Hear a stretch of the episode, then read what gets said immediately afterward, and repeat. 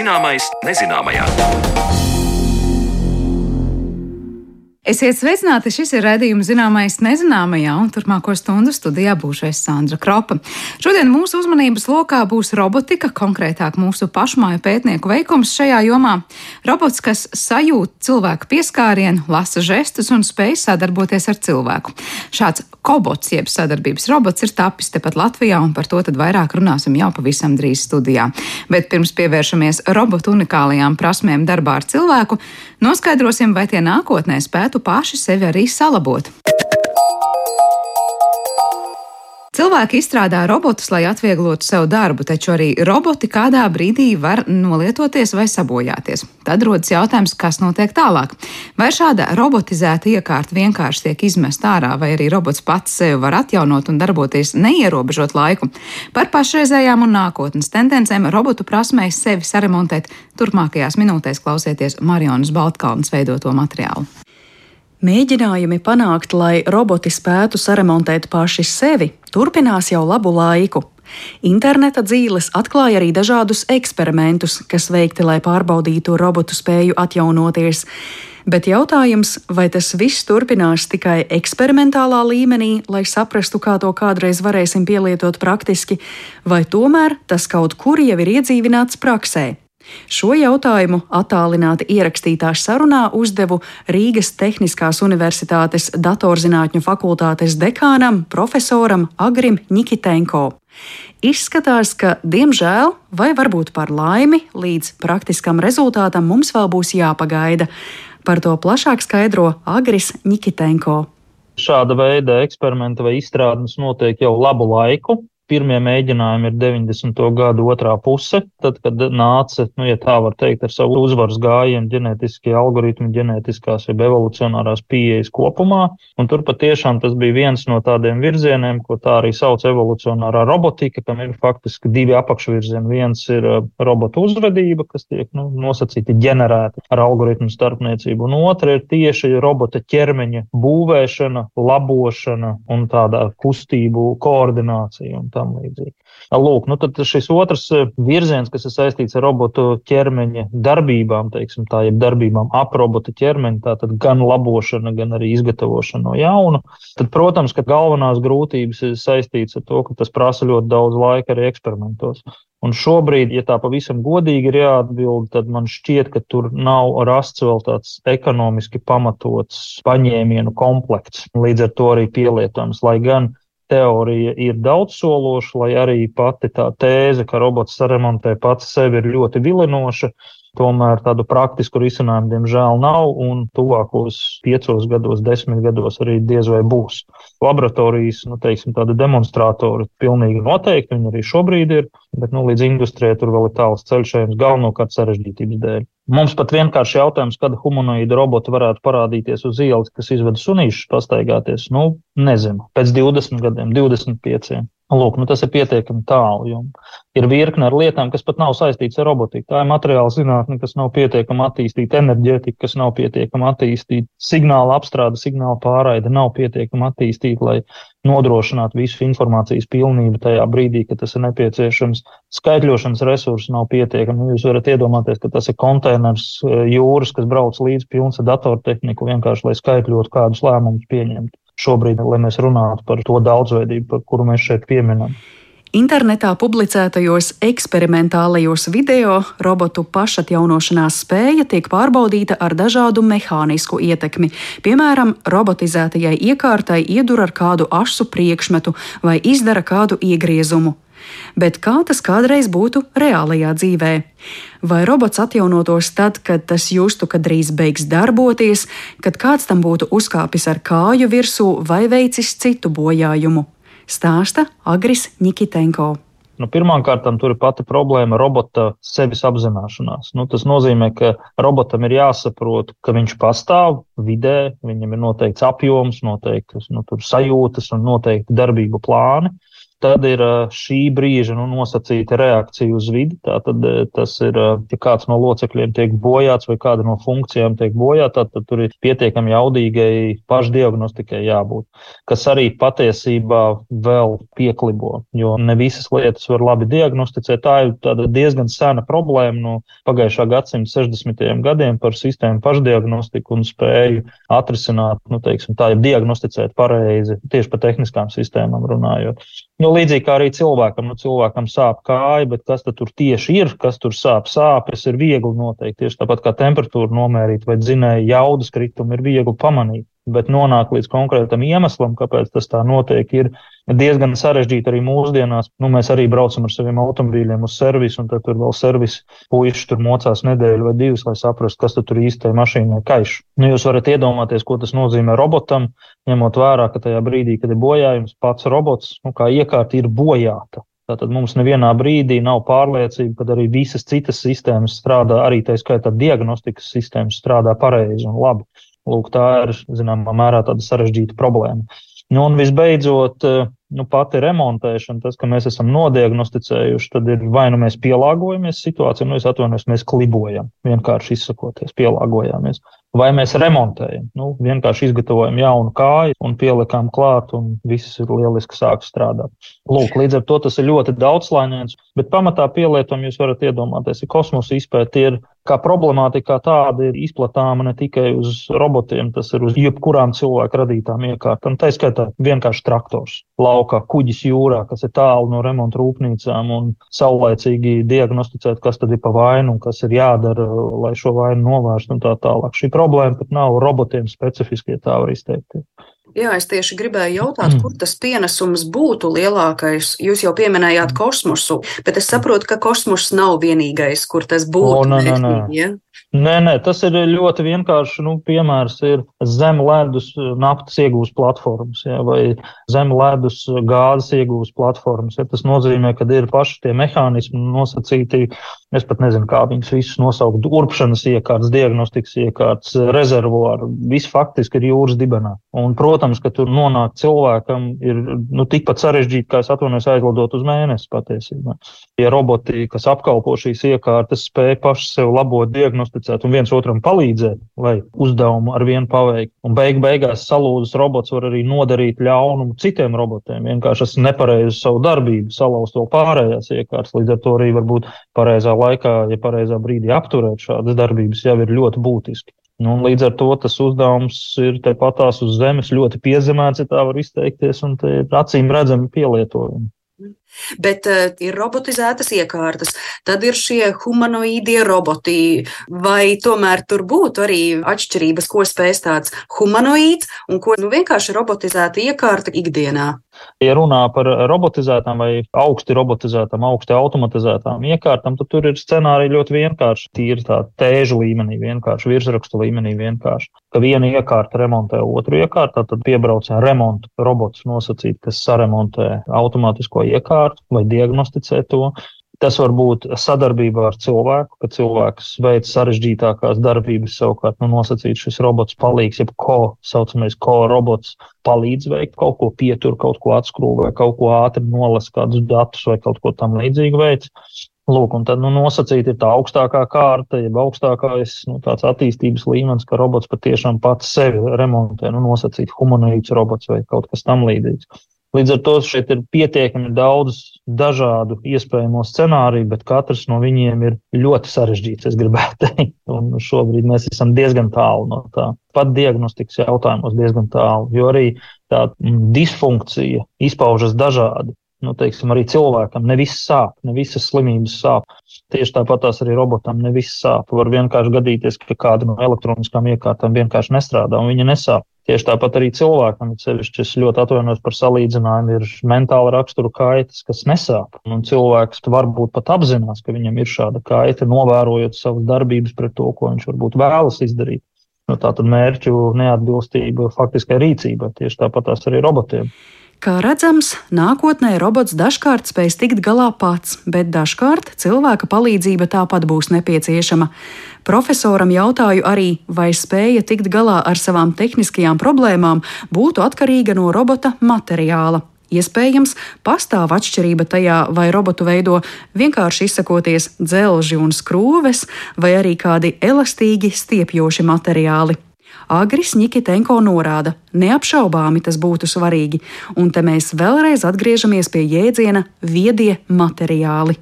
Viedie materiāli arī ir nu, pēdiņā sakot ar pats dziedinošām īpašībām ka tiek plīsumi vai tam līdzīgi nosacīti salīmēt atpakaļ. Ja?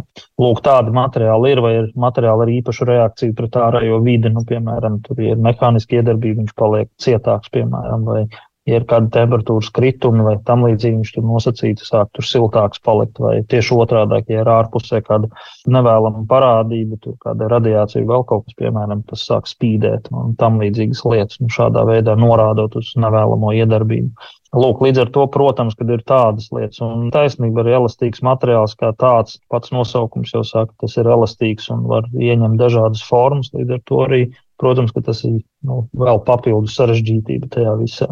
Vadiņi, kabelīši, caurulītes un, un tam līdzīgas lietas, kas stiepjās un dažādos atmosfēras apstākļos nu, nosacīt uzvedās dažādi. Nu, tas viss ir ļoti, ļoti sarežģīti pat cilvēkam.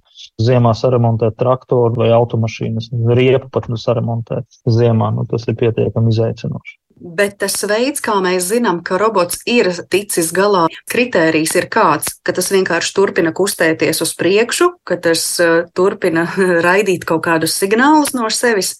Tas droši vien arī Aha, katram nu robotam tas, ir atšķirīgi. Ja? E, visticamāk, tas ir, protams, ka uzdevuma specifisks, bet mēs varam iedomāties, kā jau es teicu, paša apzināšanās ir kā centrālais jautājums šajā. Paša apzināšanās es nevēlētos, lai nu, klausītāji to kaut kā vispārinātu līdz tādiem filozofiskiem jēdzieniem vai filozofiskiem saturam, ja? bet šeit ir runa par to, ka robotam ir visa nepieciešamā informācija, lai saprastu, kādā stāvoklī atrodas viņš pats, kādā stāvoklī ir telpa ap viņu, un kāda ir miedarbība šajā brīdī starp telpu un robotu. Tātad pilns informācijas apjoms. Ja. Nu, un tad šajā pilnajā informācijas apjomā jūs varat identificēt, kāda ir jūsu mērķi un kā šie apstākļi, kurus jūs identificējat, atbilst šiem mērķiem, vai tieši otrādi kompromitē šos mērķus, ja teiksim, vai attur no mērķu sasniegšanas. Tajā brīdī jūs varat sākt runāt par pašu diagnostiku, pašu kaut kādu veidu novērtējumu, vai es virzos uz mērķi vai nē, vai es esmu nosacīts vesels, pilnā funkcionalitātē vai nē. Pat elementārs dators, nu, kaut kas tur nevar tikt nospiests vai kaut kas nestrādā. Nu, mēs katrs esam saskārušies ar tādu situāciju un nebūt to nevar tā vienkārši paši diagnosticēt. Arī par remontēšanu ir jāsaprot, ka, nu, ja mēs velkam paralēlus ar cilvēkiem, cilvēks ir Tur ir ļoti daudz sistēmas, kas savstarpēji ir aizvietojams. Nu, tādā veidā, kas pārņem funkcijas arī gan ar asins rīti, gan ar visu pārējo ir informācijas pārbagātība. Ja tas nozīmē, ka kāda tur nosacīta nervu gala nestrādā, tad ir blakus citi nervu gala, kas faktiski tajā pašā geogrāfijā mums datus iegūst. Tad datorā tas tā nav. Ja mēs nu, vienkārši izsakoties pārgriežam tur pāris vadus, tad ir cauri dators vienkārši nestrādā. Tā kā, jā, tehniskas sistēmas šajā ziņā varbūt pat ir mazliet tā, jo daba par mums ir parūpējusies ļoti labi evolūcijas ceļā. Jā pašremonts, atjaunošanās, pašdiagnostika nav viena konkrēta termina, ko zinātnē attiecinātu uz robotu nākotnes spēju sevi salabot. Būtiskākais nemaz nav tas, kādu terminu lietojam, bet ko vērtīgu šis process sniegs pašam robotam un pēc tam arī cilvēkam. Un skaidrs, ka neatkarīgi no savām augstajām prasmēm, robots tāpat pilnībā nespēs aizstāt cilvēku robotikas zinātnieku mērķis nav radīt ar cilvēku salīdzināmu robotu. Nu, tas ir teiksim, ļoti absurds mērķis. Ir visiem zināms deviņu mēnešu process, kurā mēs radām pilnīgu cilvēku, teiksim, tā visā viņa izpausmēs, tas ir bezjēdzīgi mēģināt kaut ko tādu ar rokām radīt. Teiksim, tā. Līdz ar to mēs runājam par kaut kādām funkcijām vai izpausmēm, kas ir specifiskākas, kurās roboti varētu būt pārāki, labāki, ātrāki, precīzāki un tā tālāk. Un līdz ar to viņi noteikti būs kā iekārtas ļoti mērķorientēti. Un līdz ar to katrā no šiem mērķiem var būt tāda definīcija, ko nozīmē paša atjaunošanās, paša remonts, paša diagnostika, visticamāk būs mazliet atšķirīgs.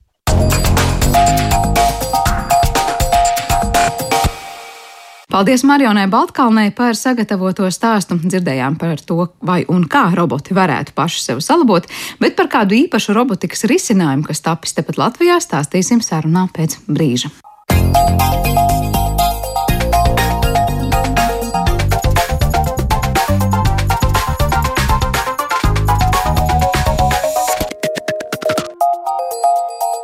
Zināmais, nezināmajā. Smagi dzelži, straujas kustības, robustums un saziņas kļūdas ar cilvēku. Pieļauju, ka visai daudz šādi iztēlosies robotu industriālā vidē. Taču šobrīd pasaulē straujiem soļiem uz priekšu iet kobotu izstrāde.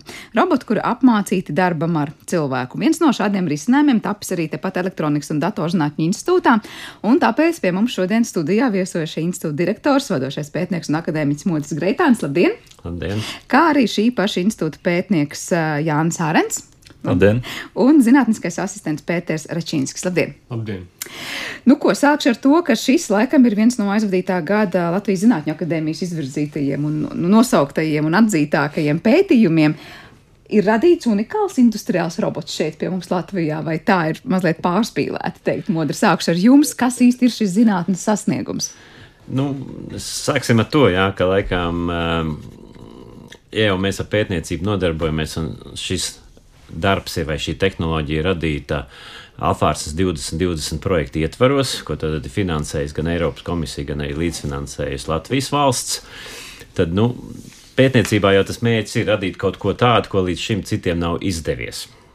Uh, un otra, laikam, piebilde šeit uzreiz ir tā, ka tā kā tas ir projektā radīts, tad mēs uh, Elektronikas datorzinātņu institūts. Šī projektā bijām viena demonstrātora, kurš tā arī saucās Viedais robots līderi, un to tehnoloģiju radījām kopā ar saviem partneriem no Vācijas, Dresdenes Tehniskās Universitātes, eh, Beļģijas, AIMEK eh, pētniecības centra un Austrijas eh, virtuālu vīkla uzņēmumu.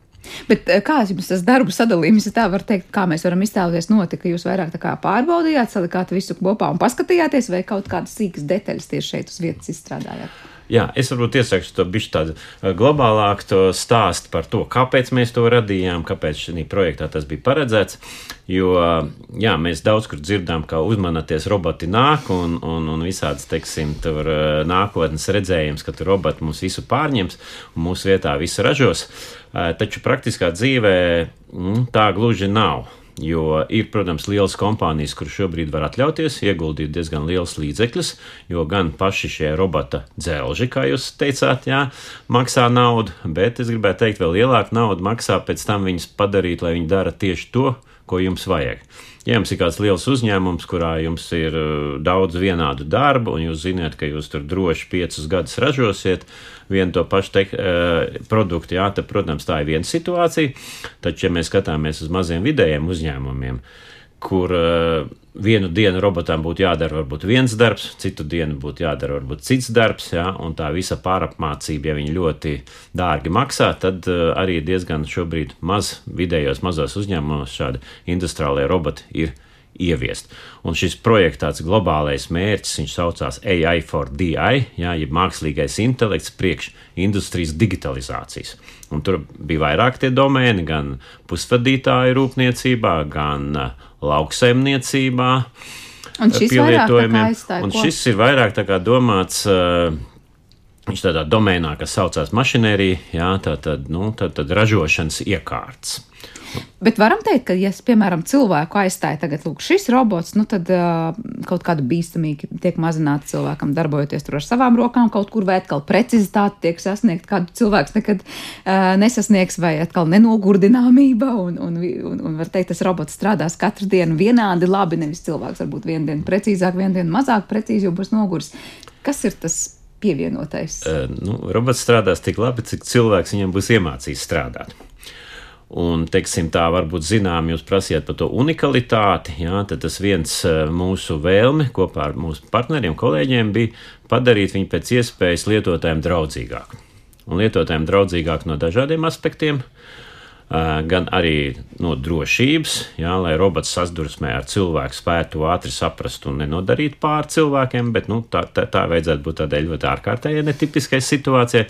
Gan arī, teiksim, lai robots varētu atpazīt cilvēku žestus, lai nav tam, kas vēlas to robotu kaut kādā veidā vadīt. Un darboties nav jābūt programmētājam vai ļoti lielam speciālistam robotu operētāju sistēmā, jā, bet viņš vienkārši ar žestiem līdzīgi kā mēs viens ar otru sazināmies, pasakām stop, vai, vai nāc tuvāk, vai ej pa labi, pa kreisi, teiksim, varētu vadīt uh, bez neizti, ne, nelietojot klaviatūru vai ne, un, un tam līdzīgi. Bet, lai šis robots to varētu darīt, viņam kas tad ir tās īpašās acis, tā datorredze, kas to pasaka, vai vēl kaut kas cits, kas to ļaus uztvert? Jā, un ir tādas trīs lietas, kā mēs to pasniedzam gan projektā, gan arī piesakot šo sasniegumu. Tātad robots ar attīstītām redzes, cilvēka žesta uztvers un jušanas spējām. Un katra, katra no šīm lietām, protams, ir diezgan liels uh, tehnisks darbs un, un pētniecisks darbs, lai viņas attīstītu. Uh, ja mēs tātad runājam par žestiem, jā, tad tā ir mūsu kolēģi no Beļģijas AIMEK pētniecības centra radīts radars, kas uztver impulsus vai signālus, uh, ko cilvēks žesti dod, jā, un tālāk jau izmantojot mākslīgo intelektu, tiek atšifrēts vai ne, jā, kāda tā cilvēka žestu komanda ir. Var teikt, ka robotam ir mācīti at, atpazīt, nu, piemēram, stopnāt šurp pa labi, pa kreisi. Ir bijuši gadījumi, kad ar tiem žestiem ir tā, ka cilvēks domāja vienu robotu, saprat kaut ko citu. Vai tur šobrīd diezgan, diezgan kārtīgi viss ir apgūts un tur nav vieta pārpratumiem? Nu, šobrīd, teiksim tā, jā, šobrīd tas ir pētniecības projekta attīstīts un ar, ar to ir darbojušies cilvēki, kas, nu, paši arī to izstrādāja. Tas vēl nav uh, palaists tādā brīvā cilvēka izmēģinājumā. Ja? Tā kā tas nonāks, tad visticamāk, protams, redzēsim, kādas ir, ir, ir, ir tās plašākās atsauksmes. Mm, tā laikam par tiem žestiem varētu piebilst to, ka. Uh, tā ir datu kopa, uz kādiem, kādiem cilvēku žestiem tieši tika apmācīts tas robots un tas algoritms. Un, šajā gadījumā arī varbūt tāda loma spēlēja Covid situācija, kad īsti nevarēja dabūt jaunus cilvēkus, ko apmācīt šo robotu.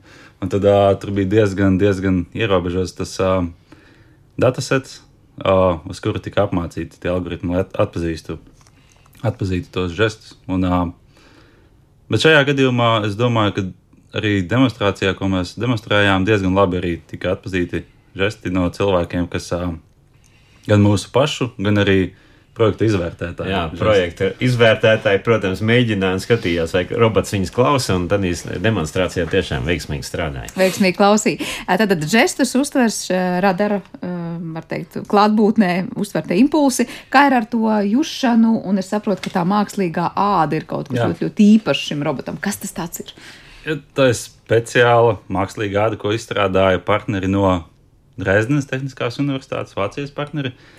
Un uh, šī āda tika veidota uz reflektometrijas principu. Iztēlosimies, ka mums ir divas plaknes, pa kurām tiek palielam spīdināta gaisma cauri. Un, uh, kā viņi atstarojas no šīm divām plaknēm, tā viņi atstarojas tad, kad divas plaknes nav, nav nekāda miedarbība uz šīm plaknēm. Bet, bet ja mēs uzspiežam uz vienas no šīm plaknēm, tad jau atkal mainās, kā atstarojas tā gaisma. Tiek imitēts, var teikt, cilvēku pieskāriens tādā veidā ar to, kā kur spīdina gaismu? Vai... Nē, tieši otrādi šis te, šī, te, šī te izmaiņa, atstarošanas iezīmē, kas veidojās atstarojoties gaismas viļņiem starp šīm divām plaknēm, to var izmantot, lai noteiktu, kurā vietā tad ir noticis pieskāriens. Apmēram tā. Nu, tikai šeit nav gaisma, lai ne, ne jau tādā veidā gaisma. Šeit ir runa par 60 GHz radiofrekvencēm, bet nu, tad, tad elektromagnētiskais vilnis. Tas ir, tas ir līdzīgi, jā, ja viņš vilnis izstarots tiek, un viņš kaut kādā veidā no tās visas formas atstarojas. Un, ja cilvēks kaut kur ir pieskāries, viņš tā tad ir izmainījis to situāciju, no kuras atstarojas, un tādā veidā, teiksim, tiek secināts. Un es gribēju piebilst, ka tur tad ir iespēja saprast gan, kurā vietā tas pieskāriens ir bijis, gan arī cik spēcīgs viņš ir bijis. Jo tā doma ir, ja viņš ir pārāk spēcīgs, teiksim, visticamāk tā ir bijusi kaut kāda nevēlama sadursme. Ja? Savukārt, ja mēs gribam kaut kādu komandu noraidīt ar vienu vai diviem pirkstiem kaut kur pieskaroties, vai ne, jā, tad jau tas pieskāriens ir maigāks. Atkal līdzīgi kā es saku, tā intuitīvā saziņa, tā kā cilvēki ir pieraduši, ja mēs kādam gribam kaut ko apstādināt darbību, paraujam aiz rokas, gribam, lai viņš iet uz priekšu, uzsitam uz pleca, teiksim. Tad šo veidā... visu robots sapratīs. Ja? Es tieši gribēju vaicāt par to funkciju. Nu, viens ir, piemēram, ar žestiem parādīt pa labi, pa kreisi stopu un tā tālāk, ko jūs stāstījāt. Kur ir tā pieskāriena tieši, būt, tieši būtība, ko mēģinās robotam pateikt? Jūs jau pateicāt, ja tā ir nevēlama sadursme, tas būtu viens no laikam aspektiem, kur tas ir ļoti, ļoti būtiski. Ja? Primāri tas ir nevēlama sadursme, lai mēs apstādinātu robotu. Ja ir notikusi sadursme vai nu ar cilvēku vai kādu, kādu šķērsli ceļā. Tas ir viens. Otrs ir arī, kā mēs, tas ir miedarbības kanāls. Nu, kā, kā cilvēks var miedarboties ar ro robotu. Un kā mēs arī cilvēks cilvēku miedarbojamies, tie var būt kādi pieskārieni, vai mēs liekam kaut kur, mēs mācām kādu, kādu citu, kā, kā, kā, kā pareizi izpildīt kādu kustību. Tas arī tie var būt pieskārieni, kā mēs palīdzam parādīt, kā ko, ko, ko, ko izpildīt. Tāpat arī robotam, ja mēs varam ar pieskārieniem palīdzēt parādīt, kā kaut kas ir pareizi jādara, tad tas jau ir daudz pateicīgāks veids, kā, kā robotu apmācīt. Jā, un arī un sajūta ziņā, vai neliksies, ka ir tiešām kāds kolēģis, nu tikai mazliet citādāks nekā, nekā vispārējā. Trešā lieta, ko jūs minējāt, ir redzes. Es saprotu, ka datora redzes arī ir īpaši aprīkota šim robotam, kā tā darbojas, ko šis robots redz un neredz. Jā, tā tad par šo datorredzes sistēmu, kur izstrādājām mēs, tur vispār jāsaprot, ir problēmas nostādne šajā gadījumā ir tāda, ka mums ir uh, kaste, kurā ir uh, nejauši orientēti, sabērti dažādu veidu objekti iekšā. Šajā gadījumā tās ir eh, plasmasas pudelītes un metāla kārbas. Un, uh, Tradicionālajā industriālā robotikā eh, mēs varam uzdot robotam uzdevumu, kas ir aizbraukt uz konkrētu koordināti, konkrētā orientācijā, vienkārši aizbraukt un izpildīt darbību. Un robots neko neredz, neko nejūt, nekādi nespēja orientēt. Viņam ir vienkārši iedot šī, te, protams, šī koordināta var būt dinamiska un laikā mainīties, bet jebkurā gadījumā tā ir vienkārši no programmas uzdota koordināta. Tātad ja mums ir šī kaste nejauši sabērtiem objektiem, kur mēs iepriekš nezinām, kā viņi ir sabērti, mums ir nepieciešams tos kaut kā uztvert. Un šajā gadījumā mēs to darām ar kameru, kas uh, rada divus kanālus. Pirmais kanāls ir vienkārši krāsains attēls, otrais kanāls ir dziļuma karte, kas ir arī tāpat attēls, tikai katrā pikselī šī vērtība ir attālums no, no kameras plaknes. Tātad mēs izmantojam šo parasto krāsaino attēlu ar neironu tīklu. Mēs uh, attēlā atrodam, kurās vietās ir ielikās kāds, nu, mēs atrodam visus objektus, kas ir attēlā. Mēs tos noklasificējam, sadalām, kuras ir pudeles, kuras ir kārbas, un potenciāli, ja tur būtu citi objekti, tad tur būtu vēl kāda cita veida objekti. Un tad, izmantojot šī, šīs iegūtās, ko mēs saucam par segmentācijas maskas, tā kā krāsa grāmatā iekrāsots šos attēla reģionus, mēs ar geometriskām metodēm un šo dziļuma karti kopā izveidojam punktu mākoni un izreikinām, kur robotam ir jābrauc, lai paņemtu katru šo objektu. Un tad mēs varam uzdot, piemēram, ka robotam ir uzdevums paņemt uh, šīs pudeles no, no, no kastes vai paņemt kārbas no kastes, iegūt attēlu un dziļuma karti no šīs kameras, un robots aizbrauks, attiecīgi atradīs šajā kastē kādu pudeli. Aizbrauks, paņems to un novietos pareizajā. Ja tā pudele būs ļoti, ļoti saspiesta vai kā citādi izmainīta, atpazīs robots. Nu, tas, ir, tas, ir, tas ir šajā gadījumā, kāda ir tā. Šajā gadījumā mēs strādājam doma ir tā, ka tas ir ražošanas process. Tātad šīs pudeles nav, nav nekāda deformētas, ka tas ir vienkārši mēs no šī, te, šīs te kastes izņemam labi, labi tā teikt, nekādi nedeformētas pudeles. Bet principā tas ir. Tas ir apmācības jautājums. Būtu jāapmāca šis neironu tīkls, lai tas atpazīst pareizi veidu pudeles. Un tur, protams, atkal rastos lielāka sarežģījuma tajā geometriskajā pozīcijas un orientācijas noteikšanā, bet uh, pri, principā kaut kā tādā virzienā arī varētu strādāt. Bet šajā gadījumā tas ir vairāk tādā ražošanas kontekstā.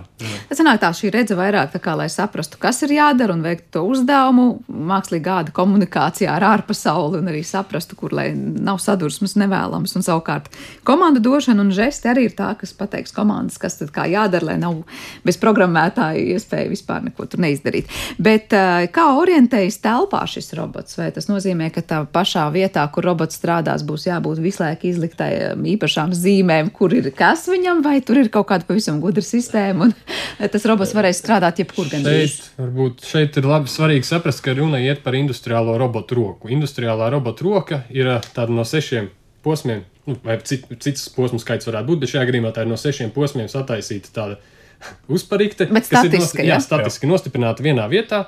Un uh, tad, tad ar to šo robotu roku kopā nāk programmatūra, kur jau var iedot šī, tādā lokālā koordinātu sistēmā pateikt, ka mums ir jāizbrauc uz šo punktu, uz šo punktu metru no robota, tur 50 uh, cm no robota uz augšu, uz leju. Tādas komandas. Tātad šajā gadījumā, ja runa par strādāšanu vienā pozīcijā, tas ir ražošanas kontekstā, ka tas stāv piemēram, piemēram blakus konvejeram. Nu, tur nav vajadzīgs tāds īpašs uh, pārvietošanās, bet ir redzēts, ir dažādi video arī pēdējā laikā, ka robots teju lec un apgriežās un, un atnes un aiznes kaut kādas arī kastes vai kaut ko tādu tur bija tāda nu, diezgan orientēšanās telpā, un Jā, vestibulārais aparāts pat likās, ka strādā. Šī gadījumā tātad tas gan projekta mērķis bija paredzēts industrijas digitalizācijai un ražošanas procesam, kur tas pats robots ir stacionārs.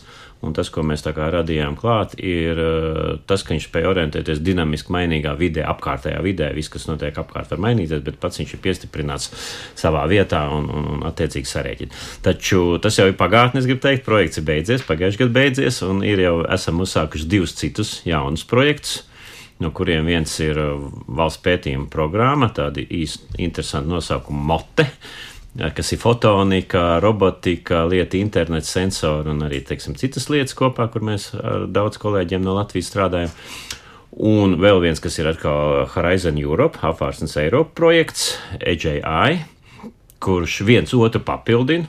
Tā uzreiz, lai nebūtu kādam aizdomas par kaut kādu dubultošanos vai ko, kurā mēs tieši pieskaramies šīm jautājumam, ko jūs prasījāt par to, ka robots ir mobils gan dinamiskā vide, apkārt ir dinamiski mainīga, gan pats robots ir mobils. Jā, un vienā projektā tātad mums tas mērķis ir radīt to uztveres sistēmu, ko robots. Eh, ja sāksim no tā mūsu gala mērķis, ir apmēram tā, ka mēs robotam varam pateikt, mobilam robotam šī gadījumā, aizēj uz virtuvi, atnes no leduskapa iesākto alus pudeli, uh, sulas pudeli. Jā, tas nozīmē, ka robotam vispirms jānorientējas, vai viņš redz uh, leduskapi vai ko. Jā. jā, tad, viņam vispirms ir jāatrod virtuve, virtuvē jāatrod leduskapis, kurš tad arī varētu būt kaut kādās mainīgās vietās, vai mēs viņu esam aizveduši uz citu dzīvokli vai ne. Jā, bet viņam tad viņš apmācīts atpazīt to leduskapi, jāsaprot, kā viņu attaisīt, jāapskatās, kur sulas pudelī ir iesākta, kur ir neiesākta. Kura vispār un, teiksim, ir sulas pudele un kura nav jā, sulas pudele. Jā, teiksim, jā, tur vēl varētu, protams, tur apelsīnu sulas vai kaut kā sarežģīt. Nu, tas tas tāds skaistais galamērķis, ka, ka tas robots spēj to visu pasauli uztvert līdzīgi kā cilvēks.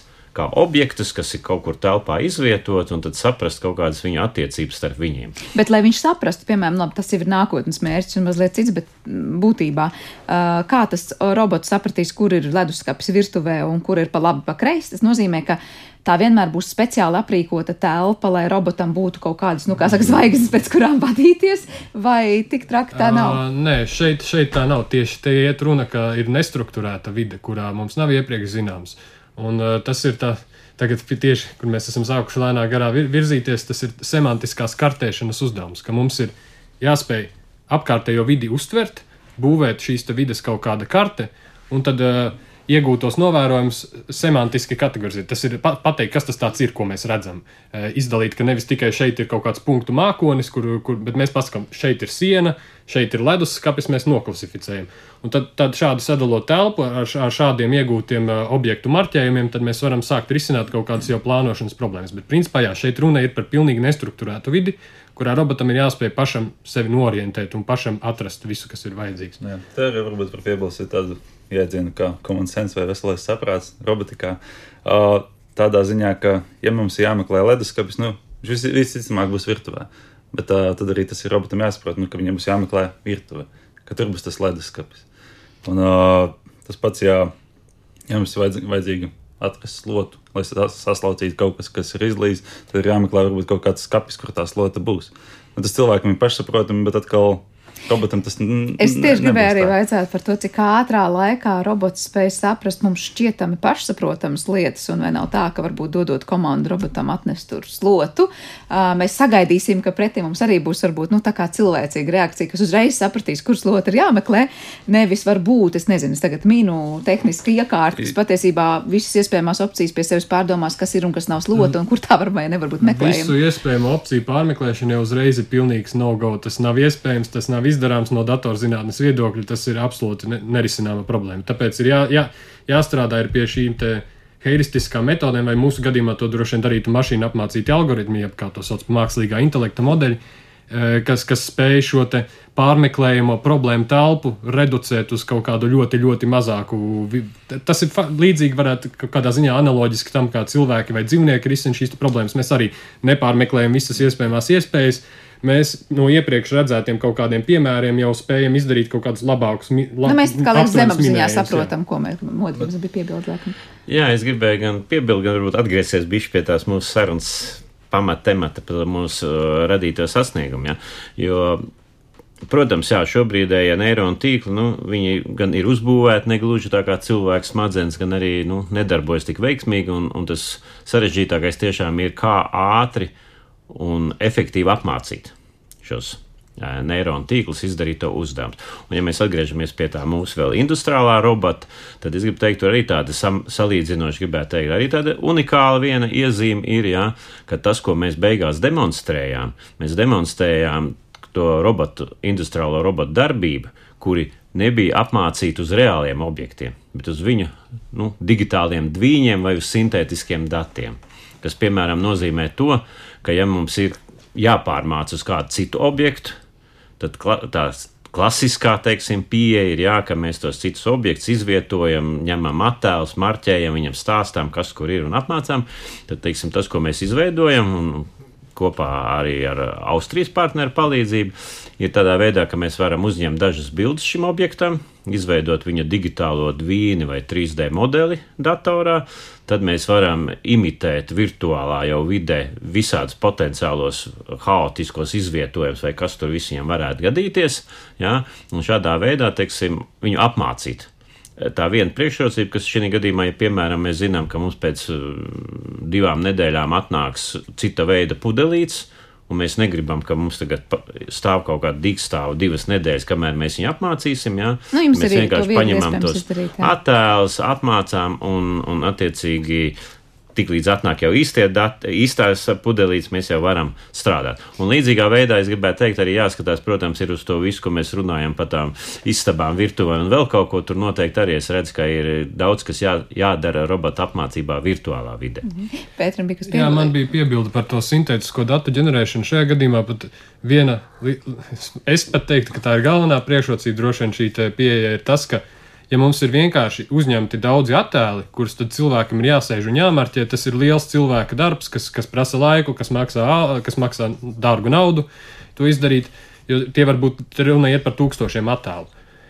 Bet uh, ar sintētisko datu ģeneratoru mēs varam vienkārši šo vienu 3D modeli ielikt, noģenerēt automātiski tūkstošiem dažādas šīs iespējamās konfigurācijas, uzņemt tūkstošiem bildes, un tā kā tas jau ir uh, digitālā vidē pieejams, mums jau ir gatavas šīs nu, šīs nu, pareizie. Mums ir iegūti jau šie gatavie samarķētie attēli, jo tu, tas jau datorā viss ir zināms pozīcijas un orientācija. Jā, nebija kas jāpiebilst, ka mēs arī reālos datus arī esam uzņēmuši un marķējuši un izbaudījuši to, cik tas ir garlaicīgi, ilgstoši un laikietilpīgi. Jā, jā, tas bija vairāk cilvēku darbs, un tā liekas, mēneša garumā, kamēr mēs samarķējām tos 8000 attēlu, lai arī veiktu salīdzinājumus, kā tad, kā tad, kā tad modeļi, kas ir apmācīti tikai uz reāliem datiem, vai tikai uz sintētiskiem datiem, vai uz dažādām kombinācijām, kā, kā, kādas precizitātes viņi iegūst, vai tiešām ar sintētiskiem datiem mēs varam panākt labākas, varbūt pretstāsts pat kā reāliem datiem.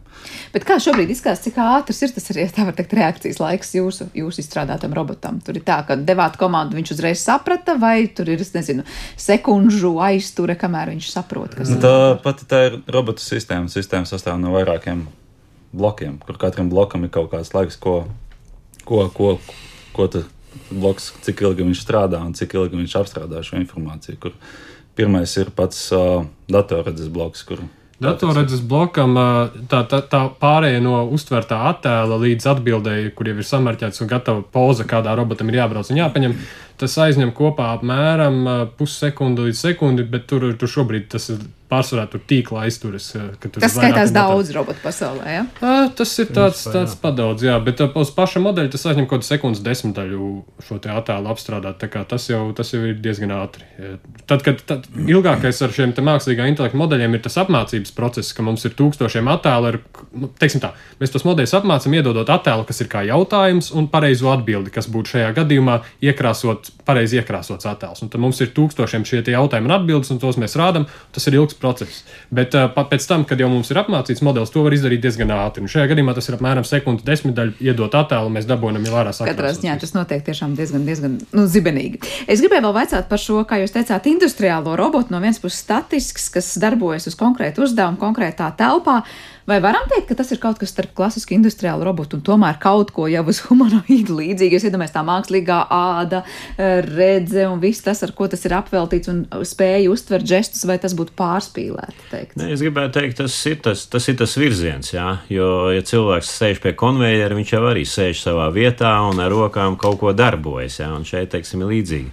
Robots ir savā pozīcijā un attiecīgi jau ar savu roku tas, kas varbūt netika pieminēts, ka mēs tā, tā mūsu izveidotā sistēma ir paredzēta, ka ir vairāki, vairākas robotu rokas.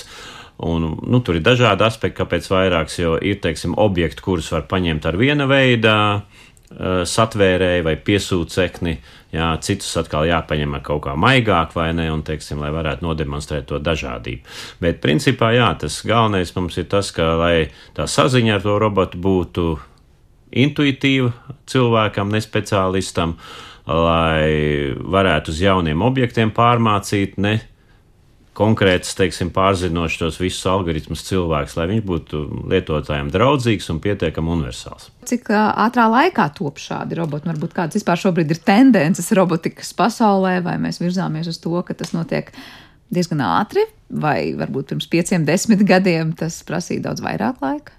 Te varbūt vēl ātra piebilde, ka uh, tas, ko mē, mēs strādājam pie robotu sistēmas, bet tie paši izpildu elementi, šīs pašas robotu rokas, tas jau ir, uh, tas jau ir kā teikt, gatavs produkts, ko, ko var uzņēmums nopirkt un šodien uzstādīt blakus konvejeram. Tur tā robotu sistēmas izstrāde, tas ir tāds daudz, daudz, daudz plašāks jautājums, jo tas var nozīmēt ļoti, ļoti daudz ko dažādas lietas. Nu, šajā gadījumā tīri teiksim, tā, tas, tas process, piemēram, datorredzes sistēmā, tas ir iteratīvs process. Tika iztaisīta viena versija, tur kaut kas līdz galam nestrādā, kaut kas pārtaisīts, kaut kas atmests, pār, uztaisīt vēl vienu versiju un tā tālāk. Bet tur uztaisīt šādu vienu versiju, sākot ar ideju, novedot līdz strādājošai sistēmai. Tā kā tas iepriekš nav darīts, nu, tas varētu būt mēnešu darbs pro programmēšanas. Un, tu, protams, kad jau ir uzbūvēta šī sistēma, tad viņu pārnest citiem uzdevumiem, pielāgot, tas ir daudz ātrāk. Bet uztaisīt šādu robotu sistēmu, sākot, sākot tikai ar robotu un, un ar datoru, kur nu tad ir jāpanāk, ka robots kaut ko dara, un tas ir, tas ir mēnešiem, gadiem, gadiem darbs. Tas ir Jā. liels process. Varbūt globālāk skatoties, tad pašas robotiskās sistēmas, nu, tagad tas attīstās daudz, daudz, daudz straujāk, kā tas bija pirms desmit gadiem vai pieciem gadiem. Uh, tas pats arī ar, uh, kā tagad visiem zināms, ir tas pats chat GPT, un, un tas uh, arī, arī pašā robotikas novirzienā un robotikas tā saucamajos moduļos, kas iespējo robotikas spējas, robotiem dod, dod redzēšanas spējas, jušanas un tā tālāk.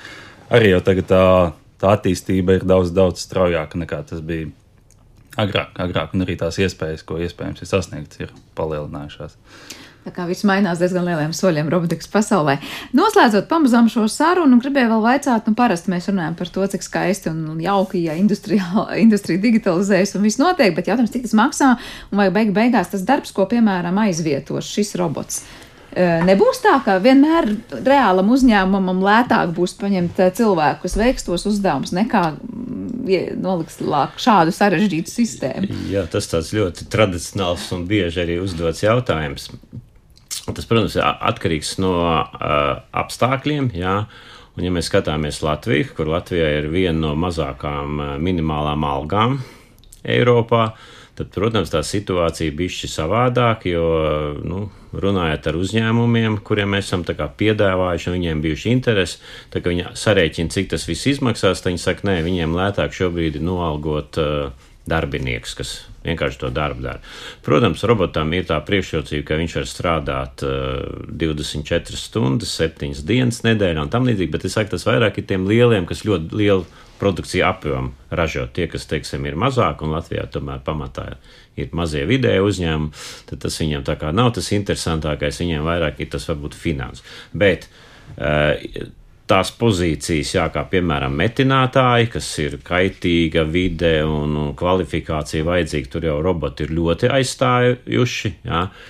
Uh, nu, konveijera strādnieks tādā mirklī, kad tā minimālā alga augs tikai uz augšu un robotu izmaksas ies uz leju, tad, protams, vienā mirklī arī tas sāksies, kad aizstās. Uh, bet jūsu gadījumā šis robots būtu, tāds, kā jūs teicāt, vidējiem uzņēmumiem piemērots. Jā, tad mēs nerunājam par milzīgām rūpnīcām, kas būtu potenciālo klientu vidū. Tas būtu kaut kur šeit pat Latvijā izmantojams. Jā, ja mēs teiksim, tā runājam, kā mēs skatāmies tālāk, vienu es tā kā iezīmēju par to, ka mēs gribam pārlikt to visu uz mobiliem robotiem, ka viņš jau var braukāt riņķi un līdzīgi arī darboties. Tā otrs ir Eiropas Savienība un, un arī Latvija atbalstīs tulītās tā saucamos digitālās inovācijas centrus, kas ir paredzēti, lai maziem vidējiem uzņēmumiem piedāvātu vieglāku veidu, kā digitalizēties. Tur viņu briedumu tests tiek noteikts, viņu teiksim, tās nepieciešamības, ko un kā viņi var uzlabot. Tad tā viena sadaļa ir, kas angļuiski saucas test before invest, tad jūs varat izmēģināt kaut kādu tehnoloģiju, pirms jūs viņā ieguldēt naudu.